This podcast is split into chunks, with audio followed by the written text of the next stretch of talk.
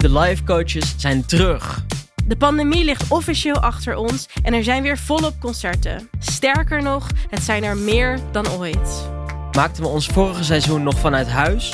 Ontvangen we onze gasten dit seizoen in het kloppend hart van het Nederlandse clubcircuit. Studio Pandora in Tivoli Vredenburg. In het eerste seizoen spraken we met 10 gasten over de verschillende elementen van live. Dit seizoen gaan we nog verder diepte in om erachter te komen hoe jij van je optreden een ervaring kunt maken. We onderzoeken wat je als artiest kunt leren van hoe een muziekjournalist concerten beleeft.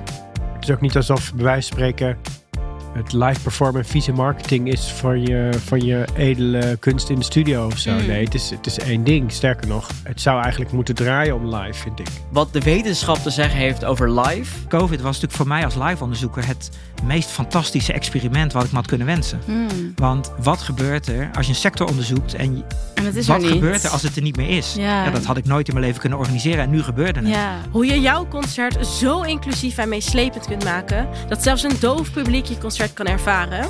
Kan niet, bestaat niet. Je kan altijd één stapje naar voren. En zolang je blijft denken hoe je elke keer één stapje naar voren kan maken, kom je uiteindelijk uit waar je uit wil komen, naar mijn idee. En nog heel veel meer. Binnenkort weer in je feed, overal waar podcasts te beluisteren zijn.